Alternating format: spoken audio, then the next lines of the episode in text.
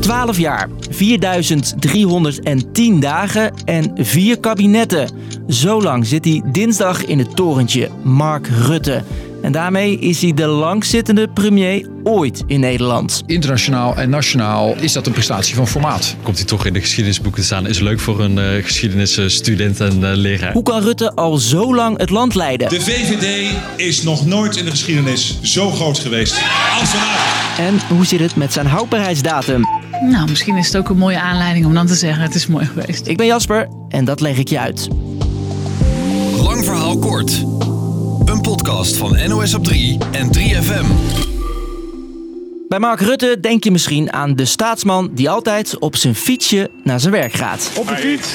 Goedemiddag. En ons de afgelopen coronajaren zo vaak toesprak. Ja, goeiedag, goedemiddag. Goedenavond. Handen wassen, afstand houden, testen bij klachten. Maar wie was Rutte voor zijn premierschap?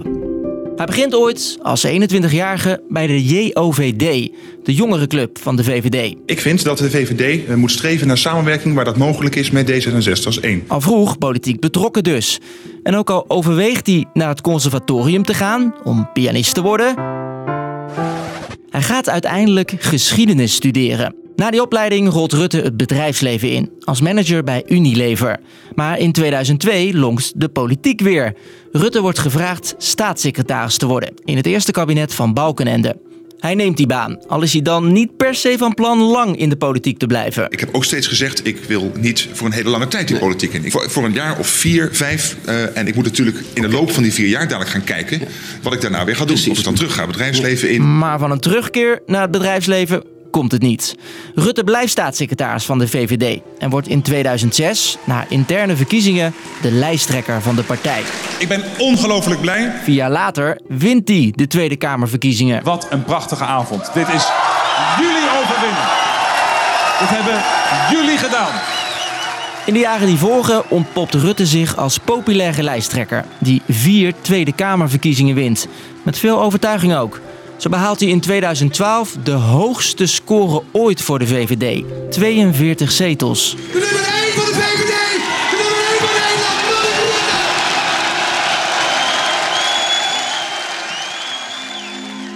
Door al die verkiezingsoverwinningen blijft Rutte dus al die tijd premier. Maar wat voor premier is hij? Je hoort Wilma Borgman. Zij is langer politiek verslaggever dan Rutte minister-president. Opgewekt en ontspannen, dat appeltje in de hand, petje op op de fiets. Tja, dat is dus het beeld dat de buitenwereld vaak heeft.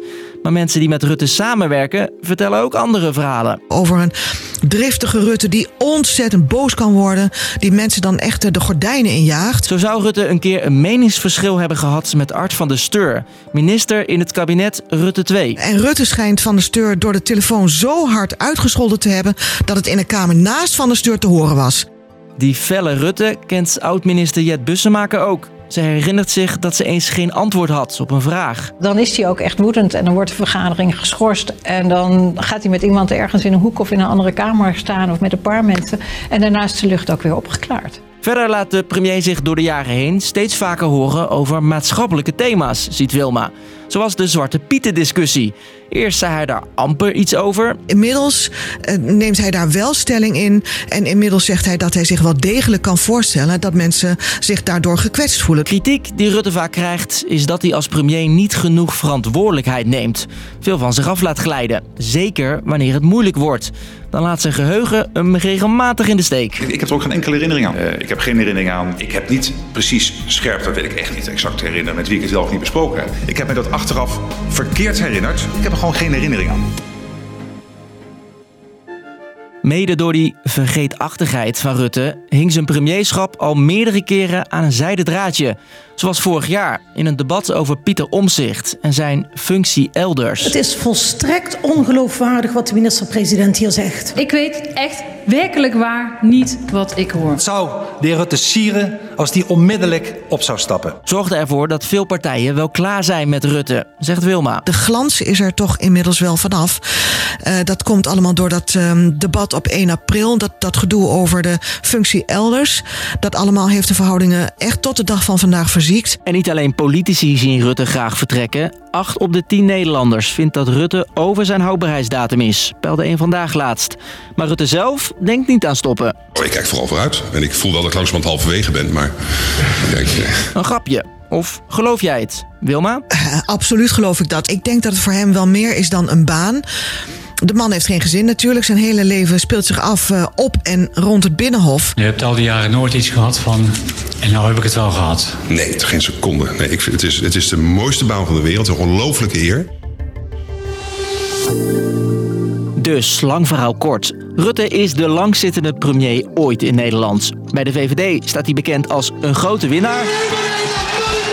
Maar de kritiek die hij krijgt is dat hij veel van zich af laat glijden en daarvoor trucjes gebruikt. Ik heb gewoon geen herinnering aan. Hoewel Rutte zelf nog wel even door wil gaan, denken andere politici en veel kiezers dat hij wel over zijn houdbaarheidsdatum heen is. Onze houdbaarheidsdatum is in ieder geval nog niet bereikt. Elke werkdag rond 5 uur zijn we er weer met een nieuwe aflevering. Tot de volgende.